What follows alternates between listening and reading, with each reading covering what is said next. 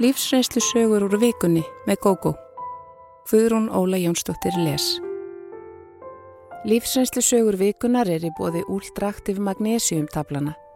Með úldraktiv magnesiumtöflunum færðu meira út úr deginum, aukna orku, minni vöðvaþreitu og betri svefn.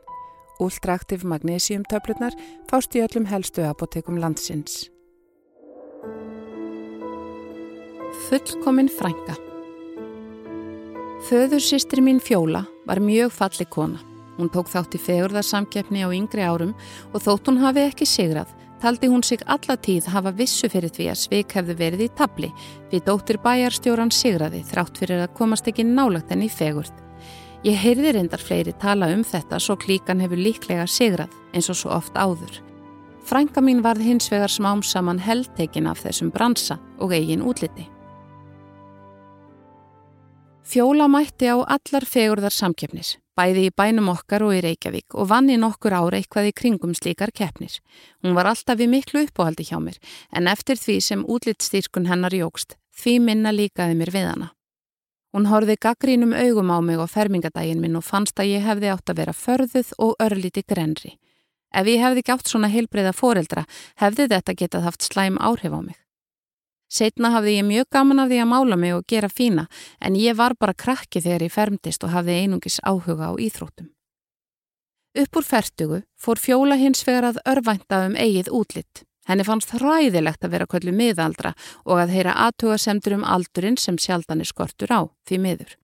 Ég veit ekki hvort hún hafi farið í mjög marga lítaðgerðir, en einhverjar þó og ég veit að hún er alltaf með fylltar varir. Andlitið er grunnsamlega hrukkulust og mig grunar að bótóks hafi eitthvað komið þar við sögu. Hún er einnig fastagestur á snirtistofum og hefur æfinlega margt til málana að leggja ef umræður skapast um fegrunar meðferðir og snirtiförur í fjölskyldubóðum. Nú orðið hefur fjólaða mjög gott fjárhagslega en mamma og pappi eru að fátaku fólki komin. Hún býr í einbílisúsi og hefur efni á að kaupa sér dýrar, töskur, fallingan fatnað og skó, keira flotta bíla og almennt leifa sér það sem hugurinn gyrnist. Ég býst við að peningaleysi barnæskunar og ungdóms árana hafi gert það að verkum að nú nýtur hún þess einstaklega vel að hafa peninga á milli handana.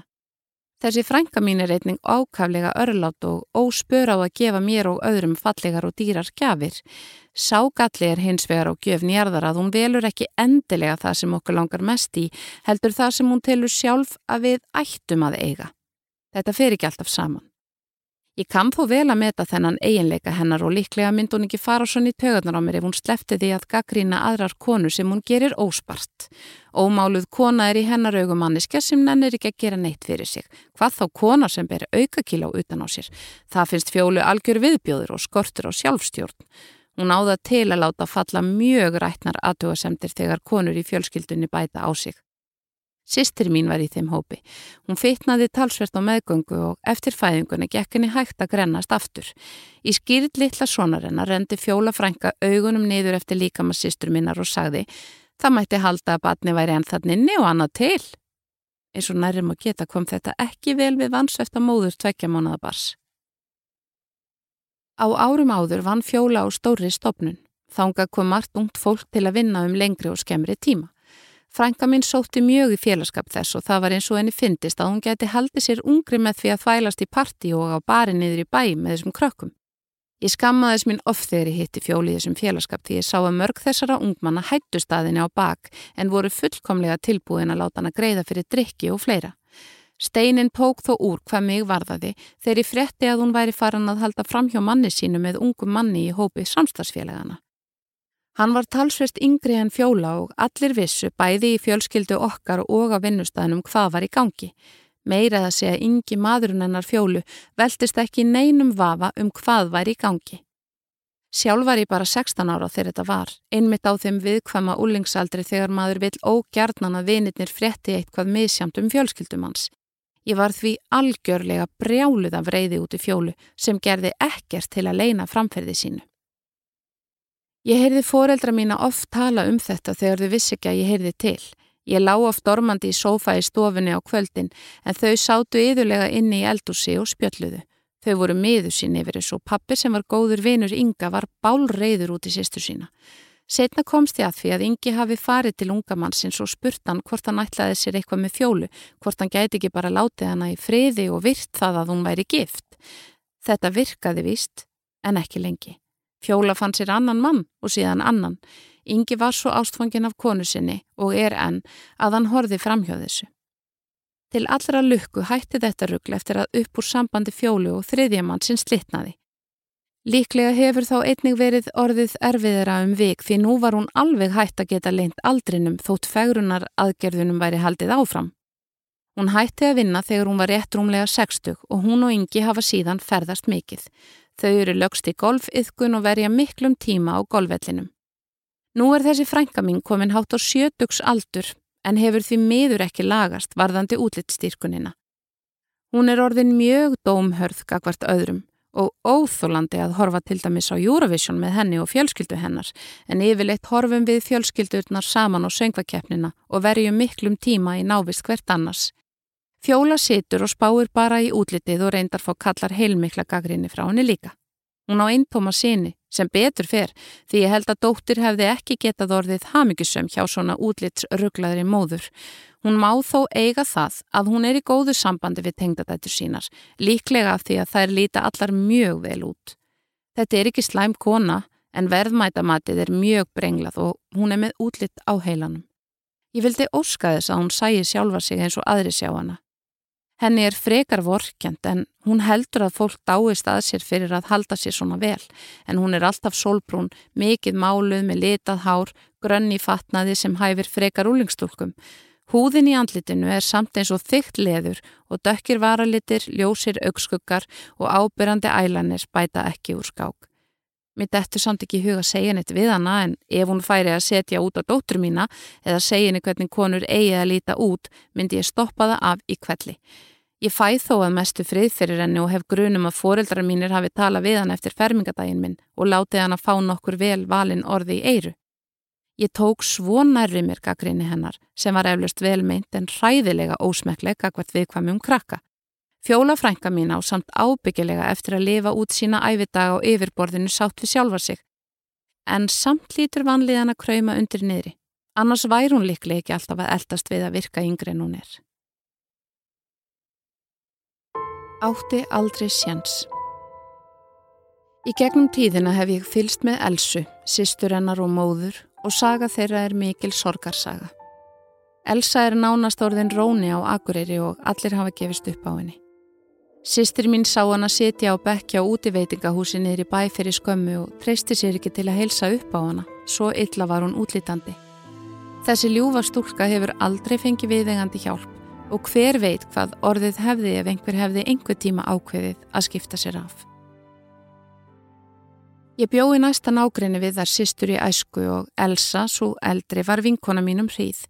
Ekki leið á löngu þar til ég áttaði mig á því að hún var beitt ofbeldi af hendi móður sinnar á meðan Vala, svo yngri, var í miklu uppóhaldi. Vala var lítil eftir aldri og kunni þá lista vefi að fólki um fingur sér áreinslu löst en líklega hefur hún sjálf ekki alveg áttað sig á því hvað hún var að gera. Hún naut aðteklinnar og smátt og smátt hefur henni örglega fundist að hún ætti rétt á öllu því sem hún fekk um fram sýstu sína. Elsu gekk illað að læra á meðan Vala rúlaði upp náminu og gekk mentavegin en Elsa fór að vinna í maturiverslun strax að loknu skildunámi. Hún var svolítið treg því er ekki að neyta en góð hjörtuð og mikil dýravinur. Hún átti einhvern veginn, aldrei séns, var ekki jafn sæt og sýstir hennar og fekk frekar fólk upp á móti sér en hitt. Við vorum nánar um tíma en Elsa var alltaf leið og kvartandi og ég fór fljótt að þreytast á því. Ég var auðvita bara batn og áttaði mikið á að hugsanlega voru þetta merkju um þunglindi og erfiðar aðstæður. Í tólvora bekk vorum við ekki lengur bestu vinkonur en aldrei neinar óvinkonur samt. Hún fór fljótt að drekka og strax sem úlingur, þótt ég áttaði mig kannski ekki á því fyrir löngu setna, varð hún alkoholisti. Hún stamaði stundum og var eins og sífælt hrætt, Kennararni sögðin að hætta að vera svona taugaveikluð en gerðu síðan ekkert til að aðstóðana við það. Þeir síndu sívaksandi óþólunmæði sem gerði Elsu auðvitað ennrættari og óörugari. Sjálfsagt hefur hún líka glimt við lesblindu því hún stautaði alltaf og varð aldrei hraðlæs. Ég veit ekki til þess að Elsa hafi nokkuð tíma farið í meðferð. Hún hafði alltaf verið ómöguleg, svo mamminar sem var gift aftur taldi þetta eðlilegt framhald á öllum vandamálunum sem fylgdini. Stjúpin var ekkert vondur við hana, en ekki heldur góður. Hann var mjög afskiptarlaus og síndinni engan áhuga. Hann og mamminar eignuðust tvö börn með árs millibili. Þegar það yngra kom í heiminn var Elsa látum bera ábyrð á því eldra sem var bara á öðru árinu. Það var látið sofa inn í herbyrkinu hennar og nóttunni því mamminar og stjúpi sögðu að þegar það vaknaði vekti það ungbarnið. Elsa var bara 11 eða 12 ára og leti þetta yfir sig ganga en flutti frekar ungað heimann, líklega í kringum 16 ára. En á þeim árum er við vorum að alast upp töldust börn sjálfráða á þeim aldri. Hún gat verið svo liti lígin og ómerkileg, mögulega vegna þess hvernig komið var fram við hana. Ef hún brauti eitthvað viðurkend hún það aldrei því hún vissi að það kostaði barsmíðar. Ég sá hana stela úr búðum þegar tækifæri buðust til þess. Það var eitt af því sem líka fældi mig frá henni því fóreldrar mínu lögðu svo mikla áherslu á heiðarleika og það hafði sterk áhrif á mig. Hún var sendið sveit sumari sem hún varð 14 ára og sagði þegar hún kom heim um haustið að bóndin hefði misnotað sig og einnig ungur vinnumadur á bænum en forstofuherbyggi hennar alltaf ólæst enda engin lás á dyrunum. Þótt hún sagði frá þessu var henni einfallega ekki trúað, fyrst og fremst vegna þess hver oft hún hafi verið staðina legum og íkjum. Ég held að mamminar hafi lamið hana þegar hún reynda að segja henni frá þessu. Mamminar er heil kapituli útaf fyrir sig Beisk kona sem létt bitna á Elsu að fadir hennar fór illa með hana á meðan fadir Völu var miklu vandari maður og gerði margt fyrir maðurkurnar allar þrjár þótt hann treysti sér ekki til að vera með mömmunni. Hann bauð þeim þremur einu sinni með sér til Sólalanda en það var líklega ári eftir að hann fór frá þeim. Góður maður en samt ekkert takt að treysta á hann skildist mér á mömmu sistrana sem talaði stundum um hann við eldursporðið áður en hún kynntist þriðjamanninum og föður yngstu sískinan að tvekja. Elsa eignaðist kærasta sem kvarf þegar hún varð ólétt átjón ára. Hún hafði logið að honum að hún væri á pillunni, hana langaði að eignast barn en hann ekki. Annar kærasti tóldi aðeins lengur og fór ekki fyrir barni sem þau áttu saman var orðið tveggjára. Börnin voru orðin okkur stálpu þegar þau voru tekin af henni og ólust upp hjá feðrum sínum eða föðurfjölskyldum. Barnavert hafði haft heilmikil afskiptafin og reynda aðstóða eftir bestu getu en börn eru sjálfnast tekin frá fórildri nema mikil ástæða sér til og ég held að það hafi bjarga börnumennar að hafa verið fjarlæð af heimilinu en það hafi reyndar avarslæm áhrif á elsu. Um þrítugt flutti hún til útlanda með ágættu manni sem drakk þó ótæpilega eins og hún. Drikjan og eflust einhver livja misnótt kundróu manni til dauða en þá var hann innan við færtugt. Ég frétti að vala sýsterinnar hafi sótt hana nokkur síðar og komið henni til landsins en þá var hún nánast komin á göduna. Það tókst fyrir miður ekki að komin í meðferð á Íslandi. Hún var búin að fá pláss á vogi en neytaði svo að mæta. Hún hefur mælt göduna síðan, gistir hjá vinum sem hún kynist á gödunni og hefur enga sjálfsverðingu lengur. Börn Elsu hafi ekki síðan að mjög lengi heldur og verðast engan áhuga hafa á því að hitt hana. Hún reyndi að kenna feðrum þeirra um það að þeir spiltu fyrir sambandi hennar við þau en ég þekki annan þeirra vel og veit að hann hefði heiklusleift dótturinn að hitta Elsu ef hún hefði verið í andlegu jafnvægi. Hún hafði yfirleitt bara samband þegar hún var illa drukkin og heimtaði að fá að hitta börnin og reyndi líka nokkrum sinnum að nálgast þau í annarlegu ástandi sem gerði þau hrætt við hana. Í sumar, þegar sýstir mín sá hann að sitja á bekki miðbænum, hjælt hún á bjórdós. Tveir eða þrýr ófrinilegir karlar, talsvert eldri en hún og mögulega útigangsmenn voru með henni. Það eru komið nokkur ár síðan vala sýstir hennar gafst endanlega upp á henni. Hún leggur kvorki á signi í fjölskyldu sína að reyna að bjarga henni þegar greinilegt er að Elsa vill ekki láta bjarga sér. Án þess að ég sé nokkur sérfræðingur held ég að ef Elsa hefði fengið venjulegt uppeldi og betra viðmút bæði í skóla og heimafyrir hefði hún ekki orðið svona. Engum virtist ekki að væntum hana og hún fór mjög í tauganar á flestum, meira að segja mér þegar við eldumst og ég átti að heita vinkonennar framann af. Ég vildi óska að ég hefði haft meiri þróska og þess vegna gert eitthvað til að hjálpa. Það hefði einnig verið dásamlegt ef fullorði fólki valdastöðu hefði gripið inn í mál hennar. Þótt ég sem barð skinjaði allt þetta setti ég það ekki í rétt samingi fyrir en löngu síðar. Kennararnir okkar, skólahjógrunarfræðingurinn og foreldrar í hverfinu okkar bera mikla ábyrð. Allt þetta fólk vissi og sá en kaus að loka augunum.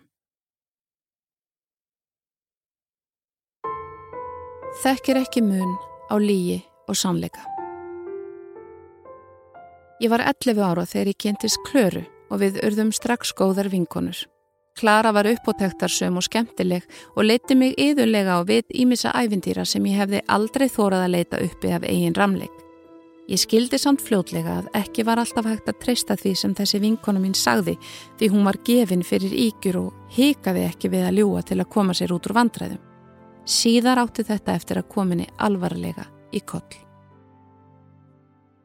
Við Klara urðum samferðaði gegnum mentaskólan og oft skemmti hún okkur vinkonum sínu með íkjusögum af eigin uppóttækjum og fjölskyldilífi sínu. Við fengum það á tilfinninguna að foreldrarennar væru vel meinandi en heimsk og Klara vefði þeim um fingur sér. Hún laumaðist út á kvöldin, hittist ráka niður í bæ og tók upp á ímsu með þeim allt án þess að foreldra hennar grunaði nokkuð.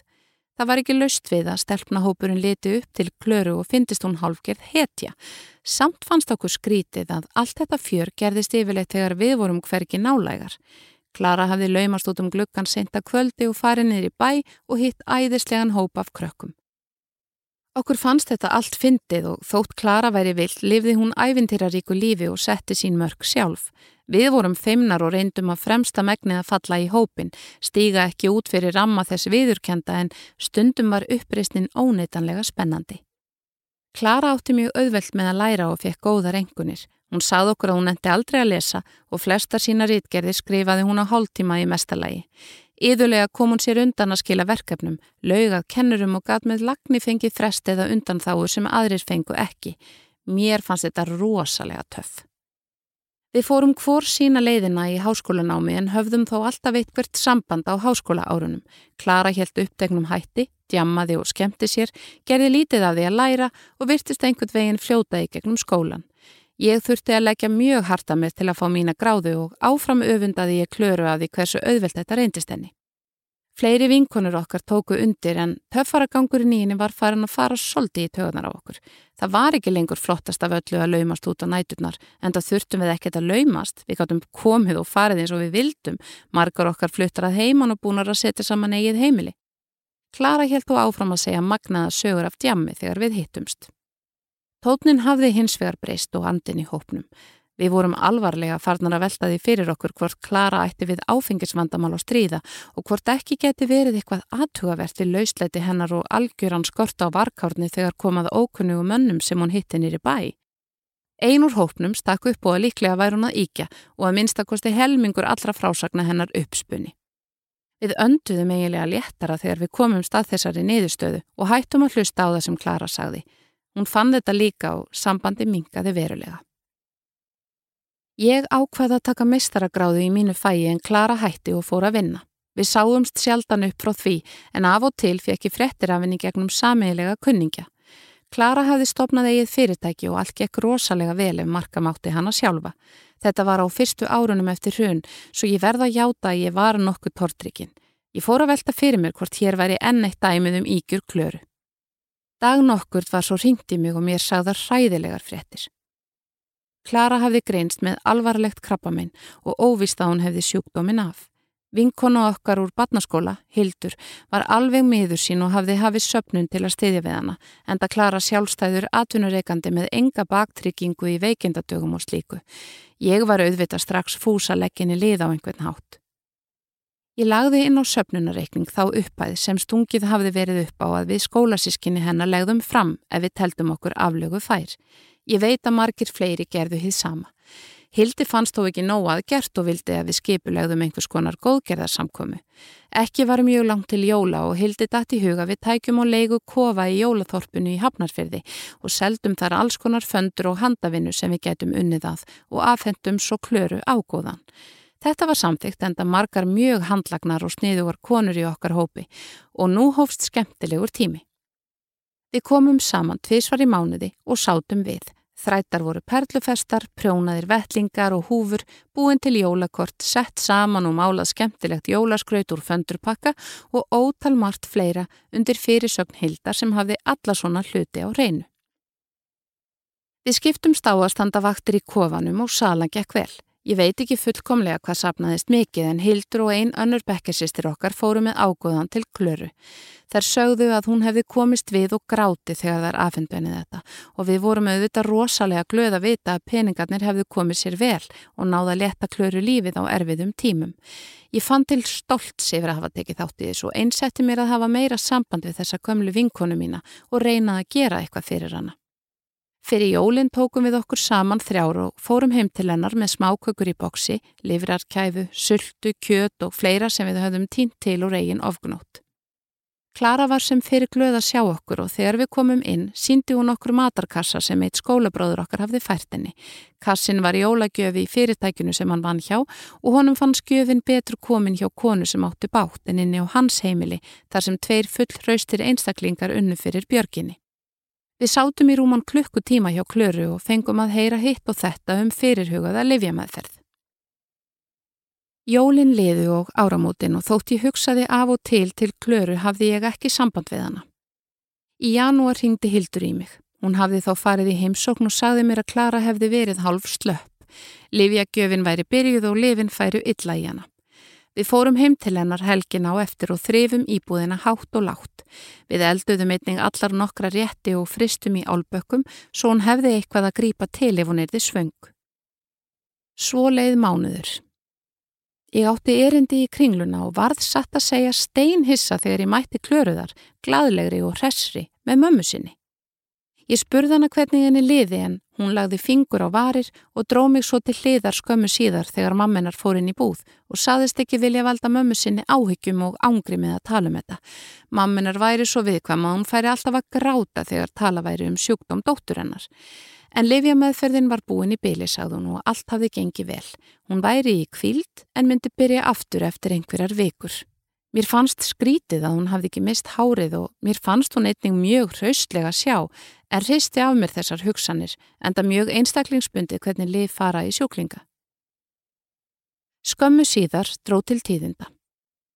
Ég fekk uppringingu að kvöldi til og í símanum var Hafstein, skólabróður okkar, sá sem hafði gefið klöru jólagjöfina sína. Hann hafði verið með pappa klöru í veistlu og auðvitað spurt hann út í heilsufar dóttur hans. Fadurinn varðvist hálf skrítin á sveip og sagði dóttur sína fíl hrausta. Hafsteitt var stein hissa og spurði hvort krabbaminnið hefði læknast. Kallin var enn furðulegri en sagði svo að Klara væri ekki með krabbaminn og hefði aldrei verið. Hafsteitt sagði honum þá alla sóla söguna af því hvernig við bekkerfélagar hennar höfðum tekið okkur saman um að styðja hann eftir að hún sagði hildi að hún væri með krabba. Það kom mjög á kallin og hann forðaði sér eins fljótt og hann gatt en Hafsteitt ringdi okkur öll. Næsta dag hittust við heima hjá Hildi og allir voru öskureiðir. Sumir vildu lögsækja klöru og krefjast þess að hún endurgreiti peningana en lögfræðingur í hópnum var ekki vissum að það myndi skila neinu. Líklega væri Klara löngu búin að eigða peningunum og þótt blekkingarleikur hennar varðaði við lög væri óvist að hún er þið dæmt. Við ákvaðum þess vegna láta það vera en ekkert okkar mun nokkru sinni tala við eða skipta sér af klöru framar. Mamma vildi öllum hjálpa.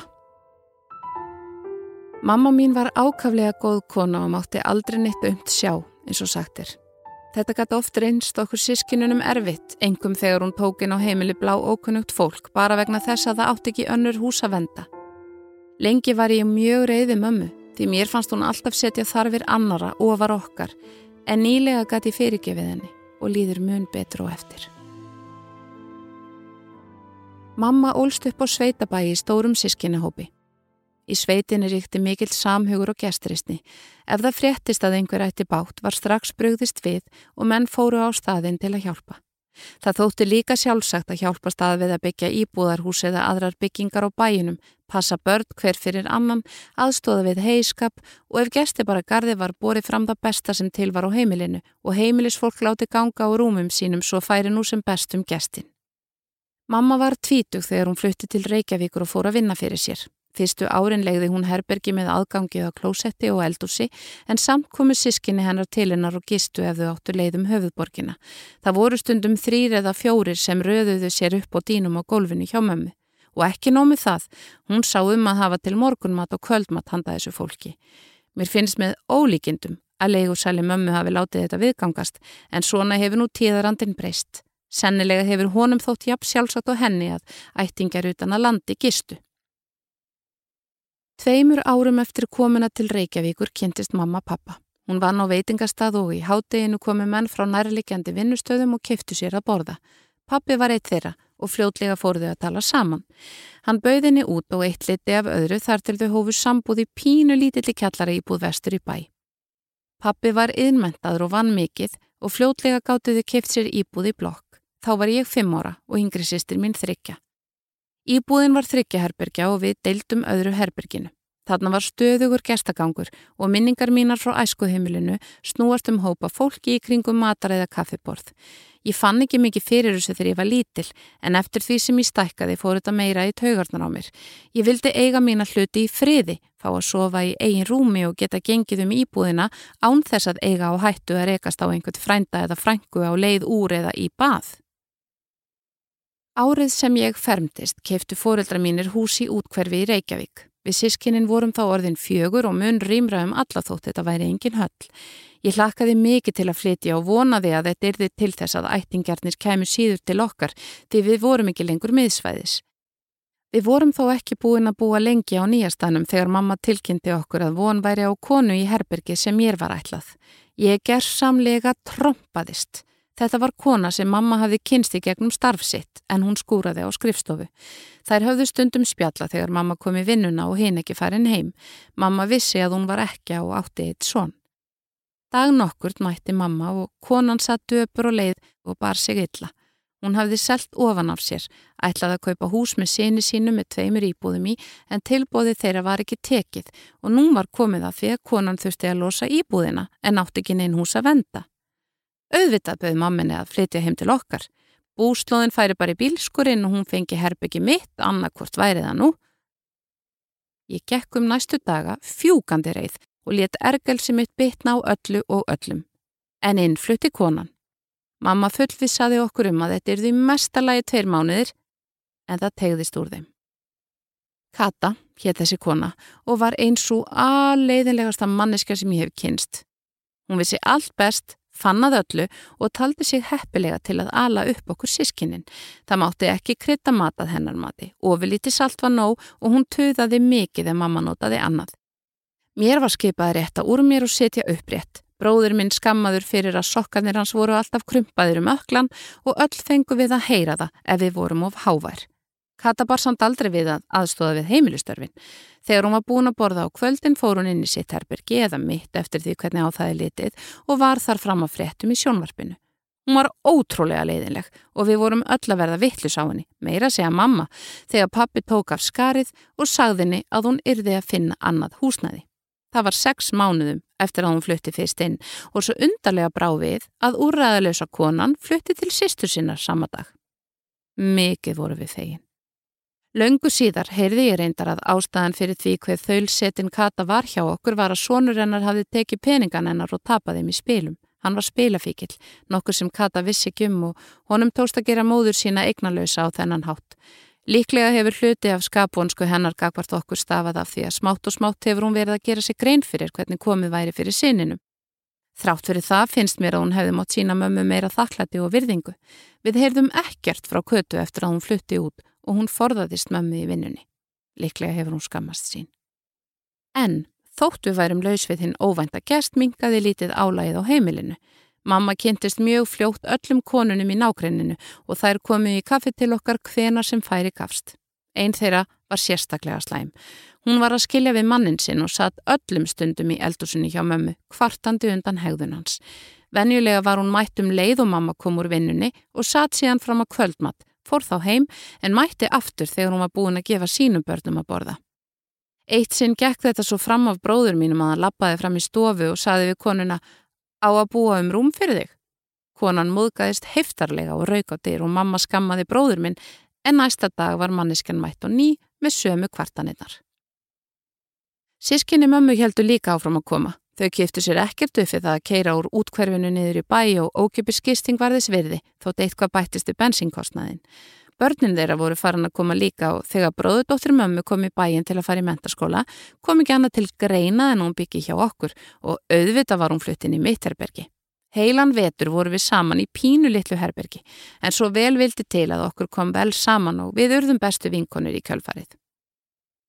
Ég flutti að heima 19 ára og var ofbóðslega fegin að vera laus af þessu heimili sem var í svo játbreytastöð, ótalmart fólk að koma og fara allan daginn. Ég leiði með vinkonu minni og því líkur friður að geta setið yfir sjónvarpinu á kvöldin ótröflaður, gengið um á nærbuksunum og ból og rætt opinskátt um hvað sem er. Ég var einnig yfir mig ánægð þegar ég áttaði mig á að þess sáust merki í marga daga þegar við vorum búin að þrýfa íbúðina. Heima hjá mér var alltaf drasl, skítugólf og einhver óreiða. Þegar ég fór að búa áttaði ég mig á því hvers vegna þetta var. Þótt mamma væri sífælt að þrýfa og taka til var einfallega þetta eilifa renneri af gestum til þess að hlutinir fóru úr lægi strax aftur. Ég var komin í háskólanám þegar þetta var og fann líka hvað dásamlegt að var að geta lært heima hjá sér, einbeitt sér að bókunum í fullkomnum friði. Sískinni mín týndust líka síðan eitt af öðru að heiman og fyrir en varði voru þau gömlu eini kotinu eða það er ofmælt, alltaf var einhver búandi hjá þeim. Bróðir mömmu skildi og flutti til hennar. Sýstu dóttirinnar flúði ofbeldis fullan mann til hennar. Bróðir minn sleitt tvis var sambúð og hljóp heim til mömmu og pappa og ótalmargir fleiri áttu atkvarf hjá mömmu meðan hún lifði. Fyrir nokkrum árum lest hún nefnilegur krabbamenni. Kirkjan var full út úr dyrum þegar við kvöttum hana og eftir jarðarföruna streymdi til mín fólk til að segja mér hvað mamma hefði gert mikið fyrir það, hversu mjög þeim hefði munað um hjálpennar og hlýju og erfiðum tímum. Margir voru grátandi og aðrir þrýstu hendunar á mér og sögðu að ég ætti alltaf inni hjá þeim greiða, hvað sem væri, því þeir vildu svo gjarnan sína hver mjög þeir mætu mömmu. Sískinni mín hafði sömu söguð að segja. Á þeirri stundu rann mér reyðin. Allur pyrringur yfir því hver lítils réttur okkar sískina til engalífs var virtur þegar ég var barn gufaði upp og ég skildi að fólk eins og mamma er sjálfkjöft og það ber að meta að verleikum þá fáu einstaklinga sem eru jafn sannir mannvinnir og hún var. Ef þér er ætlað það. Dóttur mín leik sér við ósynilega vini og sagði frá atviki um leið og það gerðist þótt hún væri víðs fjari. Þetta rjáttlaði stafinni en pappinar var heldtekin af öllu dulrænu sem hafði með tímanum slæm áhrif á hjónabandið. Forlega trú hans átti þó eftir að opna með leið sem mögulega hefði annars verið lókuð. Við leifur kynntumst í mentaskóla og fórum að draga okkur saman skömmu áður en við útskrifiðumst. Hann var fyrsta alvöru ástinn mín og ég hans. Við fórum að búa saman. Ég held áfram námi en hann fór að vinna í fyrirtæki fóreldra sinna. Ég átti bara rúmt ár eftir í háskóla þegar ég varð ófrísk án þess að við hefðum planað batningnis. Við urðum samt mjög ána með þungunina og ég ákveða að taka mér frí frá náminni í ár og gera síðan reitgerðina. Ég laug vorun og reyndi eftir bestu getu að aðstóða í fyrirtæki tengdafórildra minna en meðgangan var afar erfið svo ég var meira á minna heima eða á meðgöngudeildinni. Dótturinn kom í heiminn þegar nokkuð var liðið á haustið. Hún var dásamlegt barn, vær og góð og ég naut minn vel í móðurhlutverkinu. Tengdamamma er mjög andlega sinnuð og gaf stelpunni auðvita stjórnukort fljótlega eftir fæðinguna. Leifur var líka spentur fyrir öllu dullrænu en það ángraði mig ekki þótt ég hafi litla trú á svona málum. Fríð frá náminu var lengra en ég ætlaði því við leifur ákvaðum að kaupa okkur starri íbúð og þá varði ég að fara að vinna. Ég fekk ljómandi góða og velborgaði vinnu en lofaði sjálfur mér að ég myndi við fyrsta tækifæri klára námið. Litla dóttirinn óks og dapnaði og áður en ég vissi af var hún byrjuð í grunnskóla. Árin liðu einhvern veginn svo satt. Þótt við leifur gætum hugsað okkur að bæta við fleiri börnum tókst það ekki. Draumurinn um að ljúka náminu hafði fjarlægst við lífið var einhvern veginn svo fullkomið eins og það var. Dóttirinn var mjög skýr og skemmtileg og mér fannst gaman að fylgjast með henni leika sér við ósynilegu vinina. Leifur hjælt við alltaf fram að stelpann sæi lengra en ef henn að næði en ég lagði í raun engan trúnað á það þótt ákveðið að við gerðum mig forviða. Eitt daginn hafði ég unni lengur en vanalega og ætlaði að grípa með mér pítsu á heimliðinni. Leifur var heima með dóttur okkar sem þá var sex ára. Hún kvartaði yfir svengt og hann sagði að ég færi að koma heim. Nei, sagði hún, mamma mitti sig og er hjá lækninum. Leifur varð strax órólegur og reynda að spyrja hana út í þetta. Áður en hann næði að grípa síman ringdi ég og leta hann vita að ég hefði lendi bílslisi á leið á pítsustæðin og væri að fara í rannsókn. Ég reyndist vera óbrotin en nokkuð marinn og kom heim sama kvöld. Mér fannst mjög merkilegt að dóttur mín skildi hafa sagt þetta en sennilega var þetta atvik til þess að Leifur fyltist enn meiri áhuga á dullrænum málum og þau mamma hans gáttu rætt þetta tímunum saman. Hann fór að stunda hinn ímsu dullrænu námskeið og kynntist fólki sem hafði sama áhugamál. Þetta var í eina skiptið sem eitthvað slíkt gerðist hjá dóttur okkar, leifi til mikill af vonbreyða. Aftur á móti dreymdi hann stóra drauma um eigin hæfileika á þessu sviði og á þessum námskeiðum fekk hann staðfest að hann væri mjög næmur og geti þróað með sér enn meiri næmni með því að stunda fleiri námskeið. Þetta nýja áhugamál varð sambandinu ekki til góðs með tímanum. Nánast allt sem ég sagði eða gerði hafði einhverja merkingu í huga leifs og hann varð mjög forlega trúar. Ekki grunaði mig að það erði mér til góð síðar. Ég virti áhugamál hans en harði neytaði að láta draga mig þángað. Ég kynntist nýju vinunum hans leifs og fannst þér sumir ágættir þótt ég skildi ekki hvernig þið netti þessu. Ég dreif mig loks í skólan aftur og kláraði námi mitt. Mig var farið að dreyma um frekara námi í Danmörku. Leifur var greinilega ekki tilbúin í neitt slíkt og mér þóttið að miður. Við fjarlægðum skort annað smám saman þar til við bundum enda á hjónabandið. Við vorum sammála um að við hefðum vaksið hvort frá öðru og þetta væri orðið gott. Bæði vorum við harð ákveðinni því að skilja í góðu og hafa forræði dótturina sammeilegt. Leifur sagði auðvitað að þetta hefði verið skráð í stjördunar, okkur hefði verið ætlað að skilja. Tarótspilin hjá vinkonu hann staðfestuða líka. Mér finnst ekki ólíklegt að hann hafi tekið mark á spátómunum og það grafið enn hraðar undan sambandi okkar. Ég stakk upp á því að dóttur okkar byggi til japs hjá okkur fóruldrunum en leifur vildi það ekki. Sagði að það yrði of mikið rót fyrir stelpuna. Mögulega var það rétt hjá honum, en með því að vera bundin yfir barni aðra hverja viku þeir endar mun erfiðara fyrir hann að sinna áhugamálum sínum. Ég vissi það svo sem. Fóreldrar hans höfðu nýlega selt fyrirtækið og flutt á sólríkar slóðir svo ekki gæti hann treyst á aðstof frá þeim við að passa stelpuna. Nánast allt mitt bakland er á Norðurlandi svo við vorum í raun á sama báti. Ef ég ætti áhugamál sem ég ræktaði á kvöldin eins og hann gerði, hefði ég bara fundið mér badfóstru, en það hverlaði ekki að leifi. Draumurinn um framhaldsnám ytra varð sífælt sterkari. Ég ákvaða að spyrja leif hvernig honum litist á ef við maður flyttum í nokkur ár til Danmerkur. Viðbröð hans komi mér á óvart en samt ekki. Hann sagði einfallega, ef þeir eru ætlað að fara mun allt ganga upp hjá þér, annars ekki. Hann virtist þó ekki sérlega sáttur og hefði hæglega geta lagt stein í götu mína með því að neyta mér um að flytja með dóttur okkar. Líklega trúðandi ekki að mér tækist þetta en var svo forlega trúar að það réði öllu í lífi hans. Ég fór á fullt við að sækja um skóla, útvega húsnæði og fleira með góðri hjálp vinkonu minna sem bjó ytra. Ég fekk skólavist og fínustu íbúð, ansi litla þó, í grend við háskólan og fann líka góðan skóla fyrir dótturinna. Innan við hálfu ári eftir skilnaðin voru við maður tilbúnar að fljúa á vit nýra æfintýra. Það hafði valdi mér vonbreyðum hver lítið samband leifur hafði haft við dóttu sína. Önnur hver helgi væri raun dóttin út af borðinu og hann hitt hana bara þegar það hendaði honum.